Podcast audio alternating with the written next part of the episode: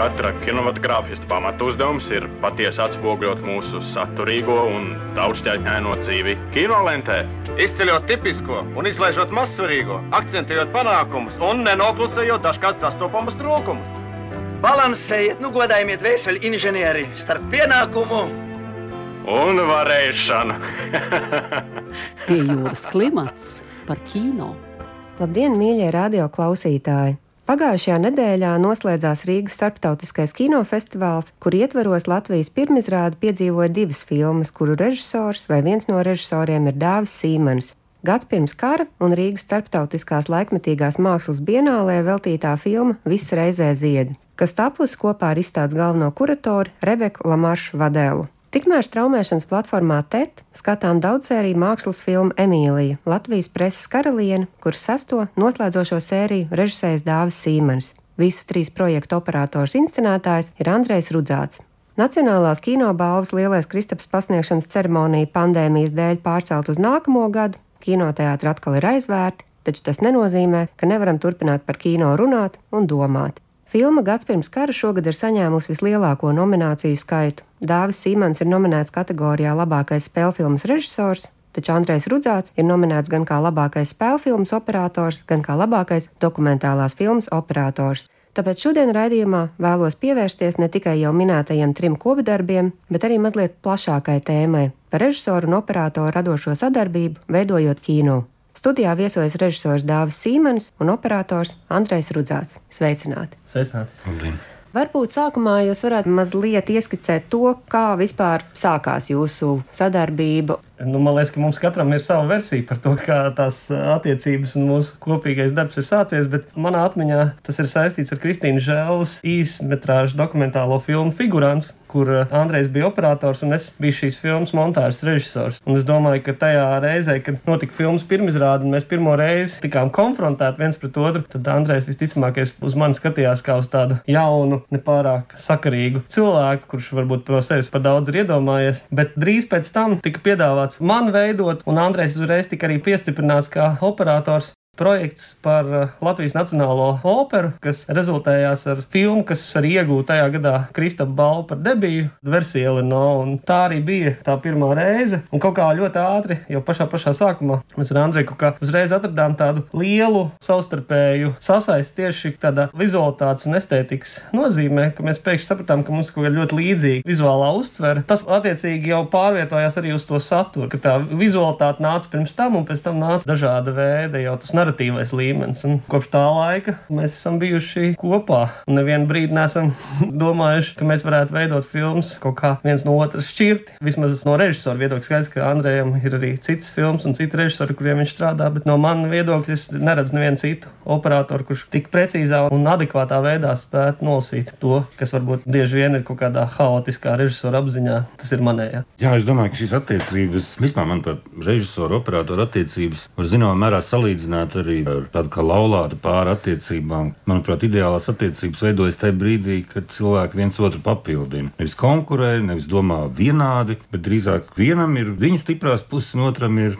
savas stiprās puses. Un, manuprāt, tā ideālā kombinācija veidojas tieši tajā brīdī, kad nav tāda savstarpēja konkurence, bet ir drīzāk tāda diezgan sadarbība. Andrej, kas ir tas, ko varētu teikt, sagaidi no režisora, kas ir tāda priekšnosacījuma, kad tev uzreiz ir skaidrs, ka tevi šis projekts interesētu? Es domāju, ka režisoram vienmēr jābūt sapņotājam, ideālistam un aizrautam ar savu ideju. Savukārt pārējā grupa, vai tas būtu operators vai mākslinieks, viņa funkcija ir daudz piezemētāka vairāk. Viņiem šis sapņotājs ir mazliet jāatgriež realitātē un jāsaprot, ar kādiem līdzekļiem mēs varam šīs viņa idejas parādīt uz ekrāna. Jo vienmēr izdomāt var ļoti daudz ko un labi, bet uh, kā to parādīt skatītājam, tas ir tas mūsu darbs. Vai tev ir bijis kāds projekts, kurā tu jūti, ka tu vari atļauties būt šis sapņotājs? Es domāju, ka noteikti mēs vienmēr ļoti baidamies no šī salīdzinājuma. Ja pēkšņi operatoram ir kaut kāds režisors, autora ambīcijas, tas vienmēr tiek uzskatīts kā tāds nu, sliktais tonis, bet es domāju, bez tā jau nevar iztikt. Jo jābūt arī šīm ambīcijām. Varbūt viņām nevajadzētu konfliktēt, teiksim, nevajadzētu būt diviem režisoriem uz laukuma, bet tīri saprast drēbi, saka, ko tas otrs grib, kāpēc tas mums ir jādara. Nu, tam ir jābūt, protams.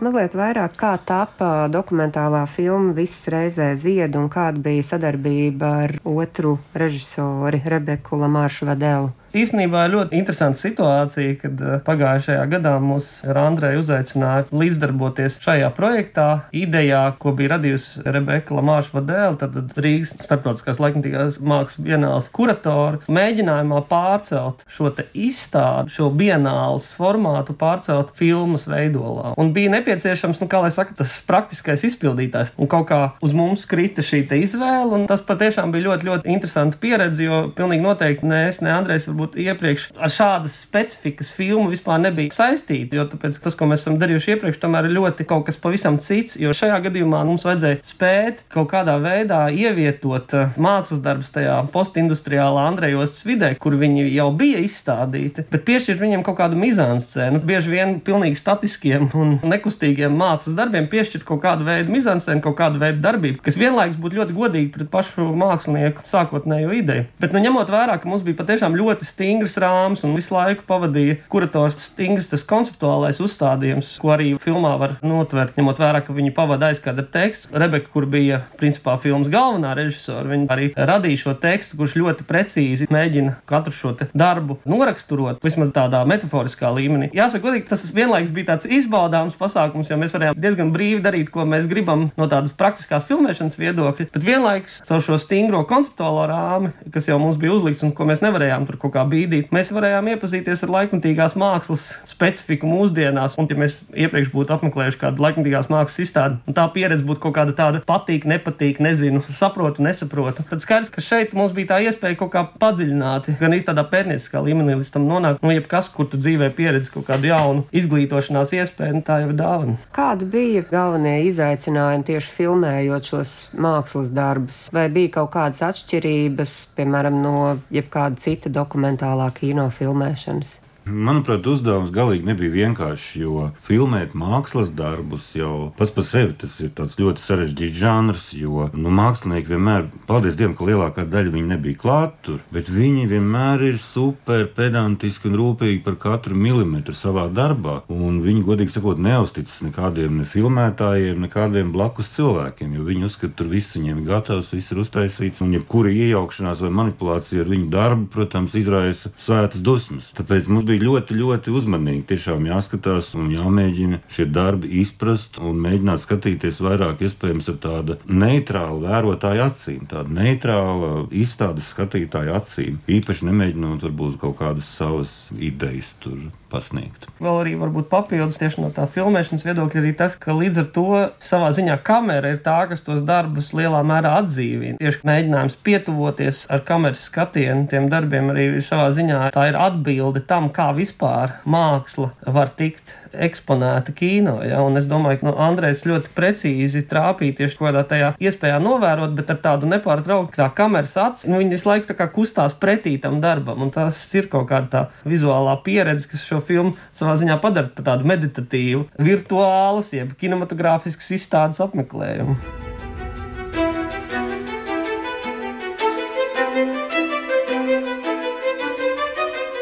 Mazliet par Emīliju Latvijas preses karalieni. Tas vairāk jautājums Andrejam. Kā bija strādāt ar trim dažādiem režisoriem un veidot vienu vizuālu stilistiku, lai šis darbs izskatās kā viens kopīgs veselums? Pirmkārt, jāsaprot tas, ka šajā gadījumā šiem trīs režisoriem no paša sākuma pašiem arī bija skaidrs, ka tas būs kopdarbs, ka tas nebūs tā, ka katra sērija būs katra režisora tāds unikāls vēstījums. Bija skaidrs, ka tam ir kaut kādā šādā vai vai tādā veidā jāiekļaujas kopējā stāstā. Līdz ar to man liekas, tur tāda īsti problēma pat arī neradās, jo visi trīs režisori tomēr ir ar pietiekoši lielu pieredzi un profesionāli cilvēki, lai saprastu, ka tas nav tas brīdis, kad varbūt vajag savas ambīcijas pārāk daudz pedalēt. Bet neskatoties to, protams, katram no viņiem ir savs izteikts rokraksts un arī jāsaka, tas sērijas sadalījums, stāsts sadalījums arī lielā mērā ir viņa paša izvēle, kurš strādā ar kādu materiālu. Un, un to jau var labi redzēt, kas interesē.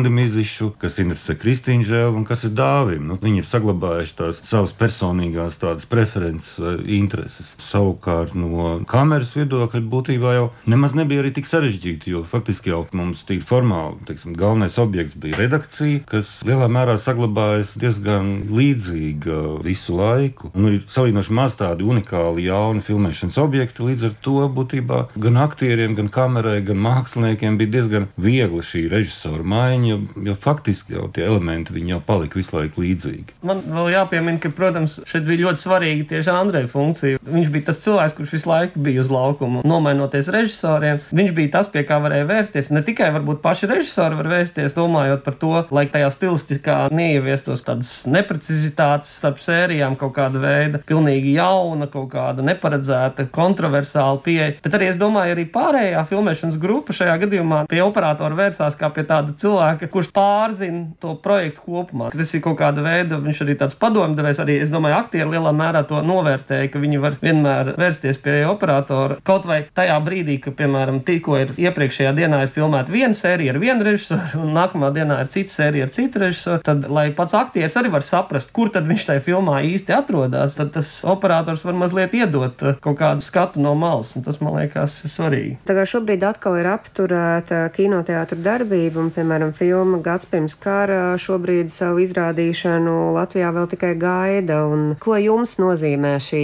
piespiedu pauze? Ņemot vērā, ka es vispār esmu šobrīd savā ziņā vīlies varbūt Latvijas sabiedrībā kopumā, un, un tā ir tāda tumša sajūta un kaut kāda bezizējas sajūta par to, ka mēs neesam bijuši pietiekami izglītoti, pietiekami tādi sagatavoti tam, lai kopīgi pārvarētu kaut kādas lielas kataklizmas, un šajā gadījumā tieši šo Covid-19 krīzi. Tad skaidrs, ka tajā kontekstā šķiet, ka filmas ir kaut kas netik liels. Tev vienmēr liekas, ir kaut kāds tas salīdzināmais, ja tur cilvēku dzīvības un kino skatīšanās. No tā viedokļa, protams, tu saproti, ka tev arī jābūt sociāli atbildīgam, un tu nevari pārāk pārdzīvot un bērt sev pelnus uz galvas tikai tādēļ, ka tev filma vēl nav parādīta skatītājai. Bet no otras puses, protams, tā ir tā dīvainā sajūta un tā pretrunīgā arī sajūta par to, ka filma jau diezgan ilgi kopš šī gada sākuma ceļo pa pasaules festivāliem, bet joprojām nav iegūst savu tādu īsto kinoteātra pirmizrādi pati savā oriģinālajā valstī, tajā valstī, kur viņi ir veidoti, un ka mēs neesam spējuši sastapt vietējo skatītāju. Tā, protams, ir ļoti smaga sajūta, tāpēc ka tā filma jau priekš autoriem savā ziņā izplēna. Viņa laiks iet, mēs turpinam darboties, un tā mēs to filmu konstanti zaudējam, un ka nav bijis pat iespēja nonākt šeit dialogā ar vietējo skatītāju, parunāt par to, kā viņi uztver šo filmu, kā viņi uztver šos kontekstus, kas varbūt sasaista 20. gadsimta sākumu ar 21. gadsimta sākumu laiku, kurā mēs paši dzīvojam. Tā, protams, ir tāda skumja, jo skaidrs, ka filmu tā īstā dzīve viņa ir uz tā kino ekrāna, un tā pieredze viņa nav atsverama dažādu veidu straumēšanas platformām vai citiem formātiem, kas ļauj viņu skatīties mājās, digitālajā ekrānā. Tur ir tā pretrunīgā sajūta no vienas puses šī sociāla atbildība un tas, ka vienkārši vajag saprast to situācijas nopietnību un pazemināt savas ambīcijas, tikt visu laiku izrādītam, bet no otras puses, protams, tā skumjā nots par to, ka filma joprojām dzīvo kaut kur paralēlā pasaulē, bet šajā pasaulē, šajā valstī, šajā sabiedrībā viņa joprojām tā īsti neeksistē. Es domāju, ka gan jau viss beigsies labi. Kaut kādā brīdī tā pandēmija beigsies, un atkal viss mums būs kino un viss pārējais. Vienīgais, ka, protams, nu, būtu labi, ja mēs kaut kādu mācību no tā iegūtu. Jo es domāju, tas, kas šobrīd notiek, protams, ir ļoti nepatīkami un satraucoši. Varbūt īpaši pat tāpēc, ka ir šī pretstāvēšana kaut kāda. Redzēt, ka sabiedrība patiesībā mēs esam ārkārtīgi sašķelti. Krievu pensionāri ir savā grupā, tad ir vēl kaut kāda outsideri vēl, un mēs jūtam, ka patiesībā ļoti liela cilvēku daļa nemaz nepiedalās tajā mūsu valsts dzīvē, un iespējams viņiem šādas mūsu filmas nemaz nav arī vajadzīgas. Un tas, jāsaka, ir diezgan šokējoši to ieraudzīt, un es baidos, ka tam saknes ir ļoti, ļoti dziļas, varbūt desmitiem gadu. Mēs esam gājuši līdz šim brīdim, bet nu, šobrīd mums varbūt ir iespēja kaut ko paskatīties plašāk, varbūt tiešām tik ļoti nekarot vienam ar otru, bet saprast, kāpēc ir šī plaisa. Viņi ir sociāli, kur viņi slēpjas. Ir skaidrs, ka viņi ir. Vai jūs prāt, kino var piemest dziedējošā funkcija par sabiedrību runājot? Tas Es domāju, noteikti. Bet šī dziedējošā funkcija kino var piemest tajā brīdī, kad sabiedrība dzīvo normālā režīmā, kur tas kino ir pieejams, kur viņš kaut kādā veidā sastop to skatītāju, kur iespējams dialogs starp filmu veidotājiem un skatītājiem. Tad, kad mēs dzīvojam tādā krīzes režīmā, tur tā sašķeltība jau slēpjas arī tajā, ka patiešām ir daļa marginalizētas sabiedrības grupas, kuras ir piespiedas kārtā vai kaut kā vēsturiski marginalizētas. Bet vienlaikus mēs jau varam saprast to, ka ir arī daļa sabiedrības, nu, kas ir vienkārši nedomājoši muļķi. Un tos, diemžēl, man liekas, pat ar kino palīdzību nekādā veidā ar to dialogu neizveidot. Nu, es ceru, ka tā svarīgākā mācība, kas nāks pēc tam, ka jau varbūt šī pandēmija būs beigusies tādā savā aktīvajā veidā, bet nu, ka būs šī postpandēmijas sabiedrība, man liekas, svarīgākā lieta ir izglītība, konstanta izglītošanās jebkuram cilvēkam vienalga, vai tas ir cilvēks, kurš vēl ir savos pavisam jaunības gados, vai tas ir cilvēks vecumā, konstanta izglītošanās, un tur, protams, kino var nospēlēt ļoti lielu lomu, jo tāpēc, ka kino satur sevī šos ne tikai mākslinieciskos plāstus, bet arī, protams, izglītojošos plāstus. Kas ir tas, ko lielais ekrāns spēj sniegt, ko nekad nespēs sniegt mazais ekrāns?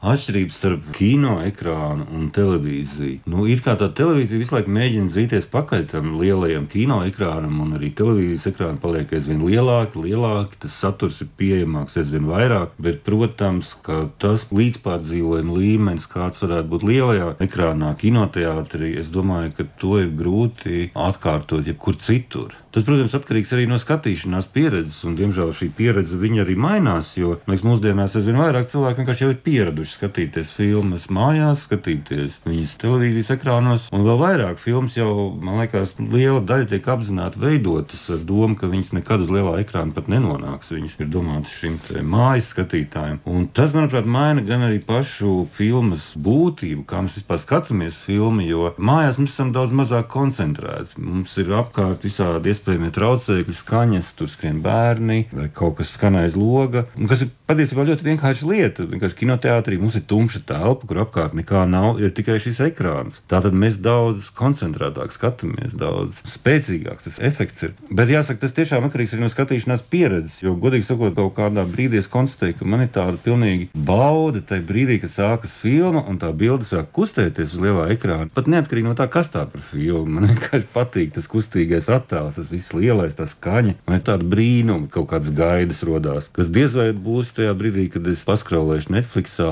un ieslēgšu kaut kādu filmu, pat iespējams labu filmu, kas man patīk, bet šī līdzpārdzīvojuma, šī brīnuma sajūta viņa tur nebūs. Sailgojos pēc kino.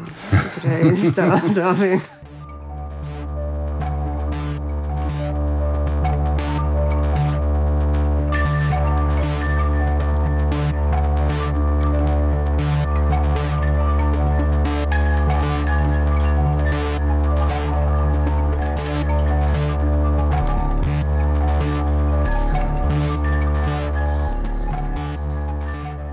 Vai ir kas tāds, ko jūs vēl nekad neesat kopā kinosfērā darījuši un ko es gribētu pamēģināt? Es domāju, kas tas varētu būt tāds. Man liekas, vispār katra jauna filma tā ir kaut kāda atkal jauna pieredze. Tas, protams, ir pretrunīgi, jo it kā skaitās, ka nu, jebkurš mākslinieks, vai režisors vai gleznotājs patiesībā visu mūžu taisa to vienu ideālo gleznu vai to ideālo filmu. Būtībā katra nākamā filma ir tikai kaut kur nedaudz savādāks meklējums. Bet jāsaka, ka pašiem tāda sajūta mēs galīgi nav. Liekas, ka šī jaunā filma būs kaut kas vēl nebijis, ko to mēs vēl neesam darījuši. Man liekas, tas ar katru filmu ir tieši tāda pati sajūta. Varbūt tagad, retrospektīvi atgriežoties pie gads pirms kara, jāsaka godīgi, ka šī filma savā ziņā, manuprāt, bija arī pārsteigums mums pašiem. Ņemot vērā, ka mēs jau tik ilgi darbojamies kopā un pat esam savā veidā nosaukuši stilu, kurā mēs strādājam un devējam to par nekroromantismu, ka pēkšņi bija filma, kur mēs pilnīgi noskurinājāmies, nu ļāvām guvām savu kaut kādu pilnīgi citu veidu pieredzi. Gan filmējot viņu, gan eh, domājot par šo filmu. Un no tā viedokļa es domāju, ka tā varbūt arī ir tā lielākā vēlme un tas, kā skatīties uz tiem darbiem, kas vēl nākotnē iespējams taps. Kaut kas, kas notiek jau veidojot filmu, ka tur būs tā negaidītība, ka mēs pēkšņi sapratīsim, ka ir iespējams kaut kā savādāk, ir iespējams kaut kā tā, kā mēs neesam līdz tam domājuši, kā mēs neesam taisījuši iepriekš. Un tas ir varbūt tas, kur arī tā jaunā filma var piedzimt. Jā. Paldies par sarunu! Paldies! Paldies.